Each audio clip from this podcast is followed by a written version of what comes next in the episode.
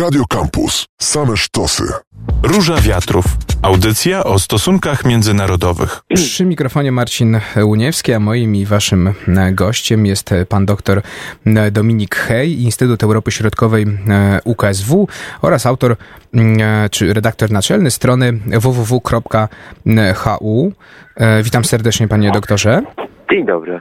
I to HU to oczywiście skrót od domeny węgierskiej i o Węgrzech będziemy e, dzisiaj rozmawiali. Viktor Orban e, przyznał sobie, jak twierdzą jego przeciwnicy, niemal dyktatorską władzę w związku z koronawirusem. No sam Viktor Orban, jego obóz polityczny, partia Fidesz twierdzą, że jest to potrzebne oczywiście, żeby skutecznie walczyć z epidemią. Zanim porozmawiamy o, o tej sytuacji, to jakby pan mógł, panie doktorze, pokrótce nakreślić sytuację epidemiologiczną na Węgrzech, no bo to będzie jakieś takie szersze tło. Jak wygląda sytuacja sytuacja z koronawirusem na Węgrzech i jak Węgrzy sobie radzą? Czy są obostrzenia takie jak na przykład w Polsce, czy surowsze, czy może mniej surowe? Proszę powiedzieć, jak to, jak to wygląda. Obostrzenia na Węgrzech są, przy czym to będzie pewnie clue, czy, czy główny wątek naszej rozmowy, że będziemy rozmawiać o stanie e, zagrożenia spowodowanego właśnie koronawirusem i tym, że, że Viktor Orban rządzi dekretami i właśnie tymi dekretami wprowadza kolejne E, obostrzenia. Teraz e, na przykład zakaz wychodzenia z domu, czy ograniczenia, jak to się ładnie nazywa, wychodzenia z domu, zostały wydłużone na czas nieoznaczony. W związku z tym też nie do końca wiadomo, jak długo to będzie trwało. Natomiast e, równolegle są zamknięte szkoły, są zamknięte przedszkola, uczelnie, natomiast matury E, już wiemy, że odbędą się w formie pisemnej, nazwijmy to dla chętnych, dla tych, którzy chcą w tym roku pójść na studia. One mają e, odbywać się od 4 maja. To jest o tyle ciekawe, że e, rząd spodziewa się punktu kulminacyjnego zachorowań na koronawirusa 3 maja, czyli w przeddzień. Natomiast nie wpływa to w żaden sposób na odleczenie decyzji na, na, na przełożenie matur. E, to jest też ciekawy wątek ze względu na to, że kiedy w Polsce jedną z podstawowych decyzji było zamknięcie placówek e, e, przedszkolnych, żłobków, to na Węgrzech Viktor Orban jeszcze w piątek rano twierdził, że nie ma takiej potrzeby i to by oznaczało skrócenie roku szkolnego i jednocześnie mm, skrócenie roku szkolnego i jednocześnie przejście wszystkich e, nauczycieli na, na e, urlopy bezpłatne. Natomiast już wieczorem podjął decyzję dotyczącą tego, że jednak te placówki szkolne zostaną zamknięte. Wówczas jeszcze taka narracja była, że to dzieci w zasadzie na to nie chorują, że to nie jest problem. Natomiast potem to się to się zmieniło. Więc to jest na razie stan gry, w którym jesteśmy. Liczba zachorowań bardzo się waha. E, to jest tak, że jednego dnia potrafimy mieć prawie przyrost rzędu 100 osób, e, ale następnego na przykład 18. Natomiast e, dzień w dzień wzrasta liczba osób, które niestety umierają. Węgierski rząd prowadzi taką dziwną statystykę, w której oglądając na stronie koronawirus.gov.hu oglądając te statystyki, dowiadujemy się o każdej jednej osobie, która zmarła, co było jej e, przewlekłą chorobą. To jest e, trochę mm, to znaczy, to budzi bardzo mieszane uczucia, dlatego że tam się wpisuje na przykład choroby psychiczne, choroby alkoholowe. No pytanie, jaka powstaje korelacja między, między taką, takim schorzeniem, a tym, że ktoś e, miał zwiększone ryzyko zachorowania na, mm, no i śmierci w wyniku tego na koronawirusa. Pod koniec marca, i tu już przechodzimy do klu naszej rozmowy, po, po tym tle, który pan nakreślił, węgierski parlament, w którym Fidesz ma większość konstytucyjną, przyjął ustawę, która przedłuża na czas nieokreślony stan zagrożenia w związku z koronawirusem, bo ten stan zagrożenia już był na Węgrzech, tylko on musiał być przedłużany. Proszę mnie tak. poprawić, jeśli dobrze. On musiał być tak. przedłużany przez, przez parlament. Teraz jest to czas nieokreślony. Mm, e, co jeszcze jest w tej ustawie, panie doktorze, że Orbanowi zarzuca się autorytaryzm i że to budzi taki sprzeciw um, i, i części społeczeństwa węgierskiego, też polityków europejskich, no Donald Tusk i tutaj też była burza w Polsce, prawda, po słowach Donalda Tuska, który porównał te działania Orbana do, do Karla Schmidta, czyli prawnika, który współpracował z, z Adolfem Hitlerem, więc dość mocne, mocne słowa, no ale właśnie, co jest takiego w tej, w tej ustawie przedłużającej stan zagrożenia, że, że taką krytykę wywołuje? Porządkując to, po pierwsze bardzo doceniam użycie, użycie sformułowania stanu zagrożenia, nie, nie stanu wyjątkowego, jak, jak, jak to się pojawia w głównym przekazie. Już mówię, dlaczego to rozróżnienie jest ważne. Po pierwsze, w węgierskiej konstytucji, którą utworzył Fidesz dla siebie w 2011 roku, ona weszła w życie 1 stycznia 2012 roku, e, istnieje coś takiego jak stan zagrożenia. To jest stan, który nie jest stanem wyjątkowym, dlatego że ten ceduje wszystkie uprawnienia na prezydenta, stan zagrożenia ceduje wszystkie uprawnienia na rząd, na premiera. To znaczy przez okres 15 dni premier ma prawo rządzić dekretami, które następnie powinny być zatwierdzane przez Zgromadzenie Narodowe. I z jednym takim stanem mamy już do czynienia od 2015 roku, nieprzerwanie. Stan zagrożenia spowodowany masową migracją, który na podstawie odrębnej ustawy Fidesu, bo pamiętajmy, że Fidesz ma e, w parlamencie dwie trzecie i to jest tak, że to jest, mówiąc kolokwialnie, ale, ale szczęśliwie w takim razie jesteśmy, więc, więc taki zwrot przejdzie. Fidesz ma sytuację taką, jak mówisz, masz. To znaczy jednego dnia jest w stanie coś wymyślić, drugiego dnia jest w stanie to uchwalić, ponieważ dysponuje większością konstytucyjną, dysponuje swoim prezydentem, więc naprawdę niespecjalnie musi się przejmować opozycją. Obecny stan rzeczy jest taki, że o ile stan zagrożenia spowodowany masową migracją jest przedłużany co pół roku przez parlament, no ale to jest formalność, to stan zagrożenia obecny został wydłużony na czas nieograniczony, czyli my mamy E, kolokwialnie ujmując, dwa stany wyjątkowe na Węgrzech, czyli stan nadzwyczajny. I ten stan zagrożenia, który jest spowodowany mm, przy okazji koronawirusa, e, został uchwalony ustawą, jak pan wskazał, w poniedziałek 30 marca, która składa się z trzech stron. E, nazywa się dosłownie ustawa o przeciwdziałaniu koronawirusowi. Moglibyśmy się spodziewać, że będą to pakiety gospodarcze, nic bardziej mylnego.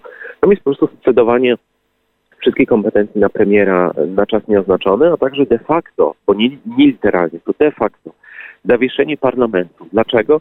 Dlatego, że żeby parlament się zebrał, jest potrzebna wola marszałka, którym jest Laszlo Köver, który jest e, jednym z najbardziej zaufanych e, polityków e, Viktora Orbana i wiadomo, że nie będzie zwoływał parlamentu, także dlatego, i to ja wpisuję wtedy w narrację też przeciwników, że na przykład stwierdzone zostanie, że, że zagrożenie koronawirusem jest zbyt duże, na przykład dla dla posłów. I teraz jest tak, że jeżeli wejdziemy do Modior Kryzleń, który jest e, odpowiednikiem monitora polskiego, e, mamy tam rozporządzenie za rozporządzeniem, dekret za dekretem rządu, którym wprowadza się wszystko wszędzie mm, i to już od 11 e, marca, dlatego że Zakres ten obowiązywał przez dwa tygodnie, jest czas nieograniczony i w każdej najmniejszej kwestii związanej z funkcjonowaniem państwa premier wydaje dekret. Czyni to także w obszarze, którym my w Polsce emocjonowaliśmy się tarczą antyrakietową, tym co po, e, przepraszam, tarczą oczywiście antykryzysową, tym co powie e, Sejm, co powie Senat, co zrobi prezydent. Na Węgrzech czegoś takiego nie ma, dlatego że te zmiany, które są przedstawiane, e, są wydane dekretem przez premiera z kontrasygnatą ewentualnie wicepremiera ministra finansów i temat się kończy. W związku z tym to jest o tyleż niebezpieczne w tych realiach, że pokazuje niewątpliwie sprawność państwa, polegającą na tym, że tutaj nie musimy się teraz kłócić z opozycją, która z nie wiadomo jakich powodów na przykład by coś blokowała. Zrzucono by, że polityczny, zrzucono by, że jest na usługach Szarosza, e, finansisty. Mm, natomiast tutaj Viktor Orban jako, jako mąż stanu jest w stanie natychmiast pomóc każdemu. I to jest coś, co na Węgrzech, y, z czym będziemy mieli teraz do czynienia.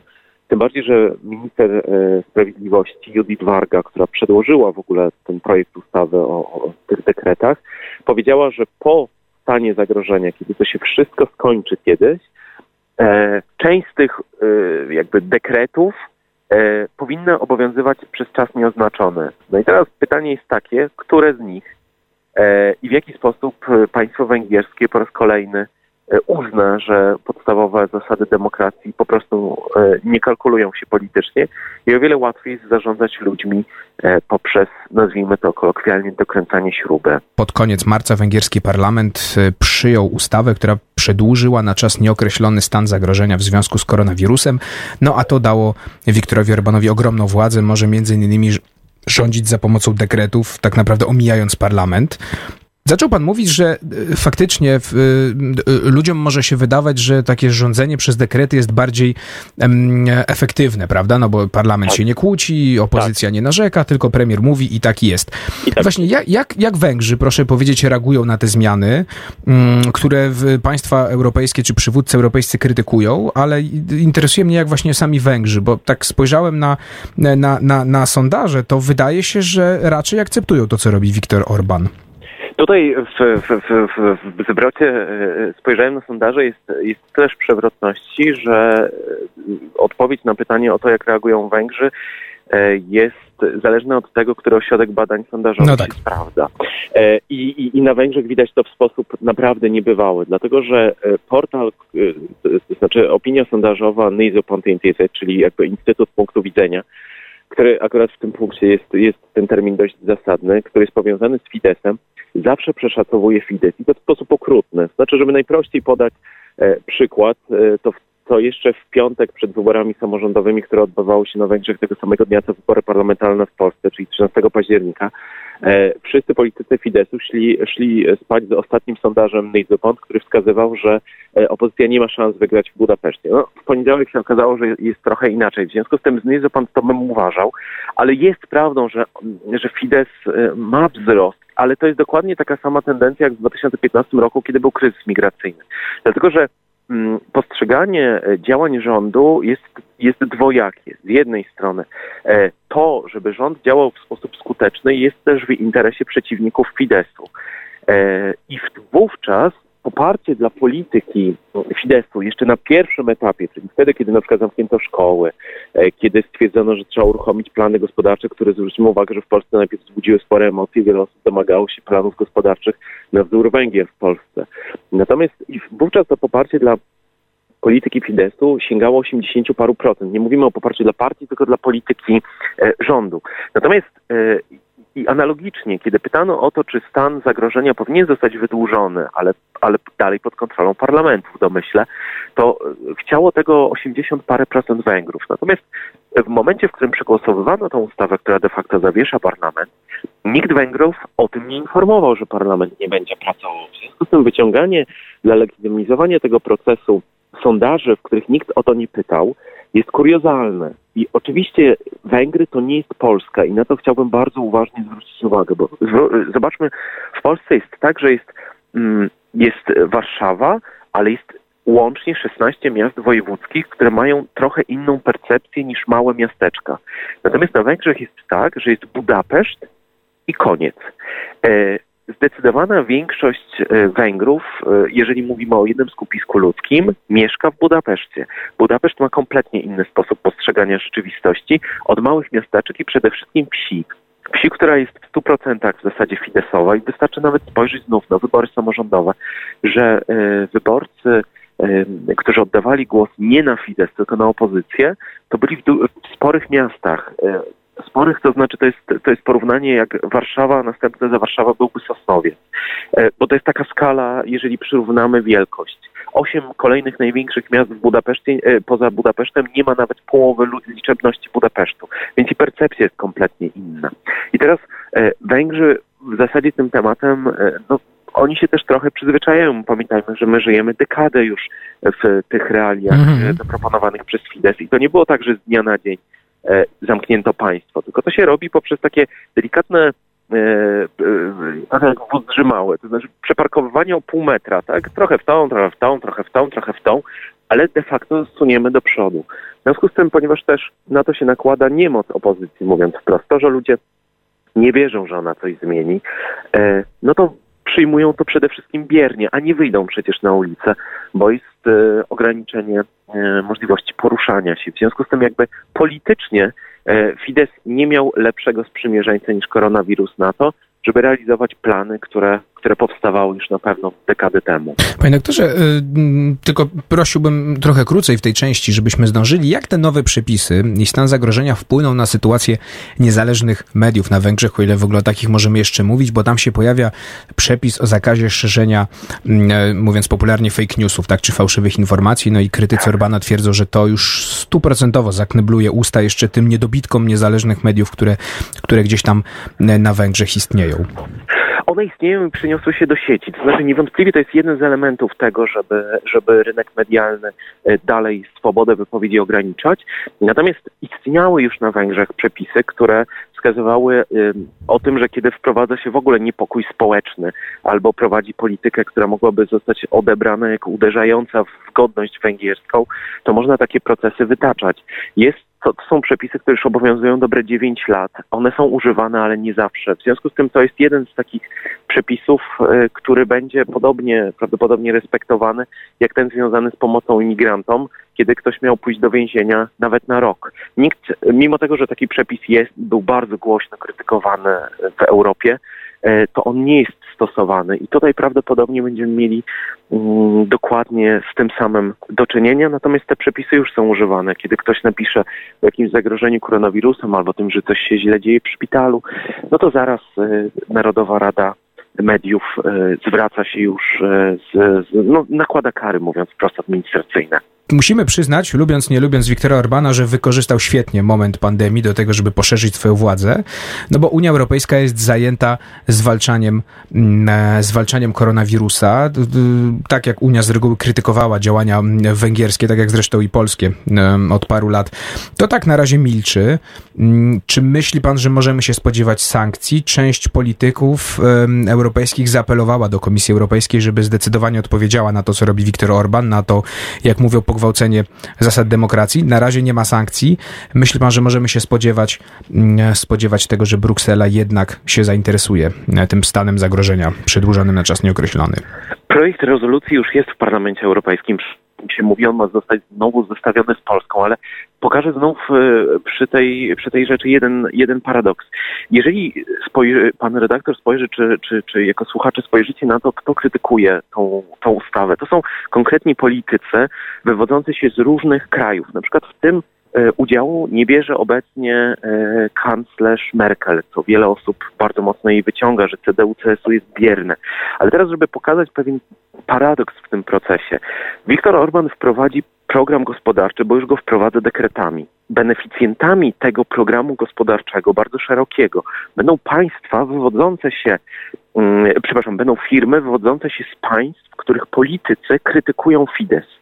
I teraz myk polega na tym, że e, Fidesz bardzo mocno pomoże na przykład niemieckim koncernom motoryzacyjnym w tym ujęciu. Audi, Mercedes, e, tam jest, jest jeszcze Opel, e, BMW ma budować fabrykę, Suzuki jest akurat japoński. Ale teraz przecież w interesie każdego z, każdej z osób, które przywódców krajów, którzy krytykują Fidesz, jest to, żeby na ich podwórku ich firmy dobrze żyły. A Viktor Orban im to zapewni na podwórku węgierskim. I to nie będzie pierwszy raz, kiedy powstanie relatywizm, rozdzielenie dwóch warstw. Jednej, na podstawie artykułów y, traktatu lizbońskiego trzeba zabrać głos, bo politycznie została przekroczona kolejna linia, ale z drugiej strony pod względem kapitału politycznego czy gospodarczego jego polityka będzie im na rękę. I po raz kolejny będziemy mieli do czynienia z taką sytuacją, w której jedno widzę, drugie robię, dlatego, że to w relacjach węgiersko-niemieckich widać w sposób najbardziej niezwykły, choćby przy e, awanturze o kryzys migracyjny, więc zapewne Komisja Europejska coś zrobić będzie musiała, czy Europejski. Natomiast co i kiedy, e, no to, to, to ten czas gra bardzo mocno na, na kartę Fidesu, też dlatego, że Fidesz mówi, jeśli nam nie pomagacie, to chociaż nam nie przeszkadzajcie.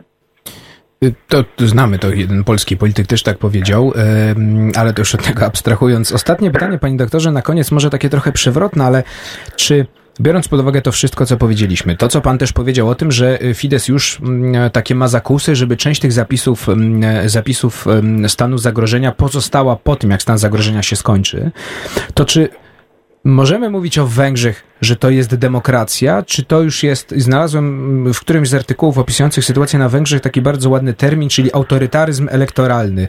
Czyli tak, no, rząd e, autorytarny, no ale wybory się odbywają, więc gdzieś tam ta jeszcze cząstka demokracji pozostaje. Ja wolę ten węgierski, czyli reżim Orbana, czyli coś, co trochę ucieka spod takiej klasycznej, klasycznego wzorca. To jest pytanie na to, na ile e, instytucje europejskie, bo mówiąc wprost, po prostu instytucje europejskie pozwolą, żeby ten system, który jest teraz na Węgrzech, funkcjonował tam nadal. Zwróćmy uwagę, że Polska nie ma już takich prostych e, przejść ze zmianami, dlatego że, e, że myślę, że instytucje europejskie nie chcą drugich Węgier w, w, w Europie, w, jakby pod względem sprawczym. Mm, I ja bym przestrzegał tylko przed, przed takim e, spojrzeniem, że tam już jest dyktatura już wszystko przepadło, dlatego że e, zabawiłem się w, w archeologa i wyszukałem artykuł od 2010 roku, których jest pełno, które mówią, że to już jest dyktatura. To jest kolejne przekraczanie granic. Ja teraz to jest już autorytaryzm, bo to jest centralizacja władzy do granic możliwości. Wybory są w 2022 roku, czyli niby za dwa lata, ale my nie wiemy, kiedy stan zagrożenia minie. Ile przed wyborami minie, żeby Fidesz znów wygrał. W związku z tym e, ten postulowany przez pana termin jest bardzo ciekawy mm, i, i ładnie się wpisuje, ale, ale ja uwielbiam ten węgierski. Reżim Orbana, uciekający klasycznym, obecnym wzorcom, na pewno Fidesz, jeśli nie dostawi tego w formie dekretów, to wpisze to do konstytucji, dlatego że nikt nawet nie zdążył zauważyć, że konstytucję Węgier w ostatnim roku zmieniono już dwa razy poprzez wpisanie jednego paragrafu, a potem po krytyce Unii Europejskiej jego wykreślenie. Chodziło o Najwyższy Sąd Administracyjny. I tutaj e, stawiamy kropkę. Dr Dominik Hej, Instytut Europy Środkowej, Uniwersytet Kardynała Stefana Wyszyńskiego oraz redaktor naczelny portalu www.hu był moim waszym gościem. Bardzo dziękuję panie doktorze dziękuję za, za rozmowę. To była Róża Wiatrów. Marcin Uniewski przy mikrofonie był z wami i słyszymy się oczywiście w środę za tydzień. Radio Campus.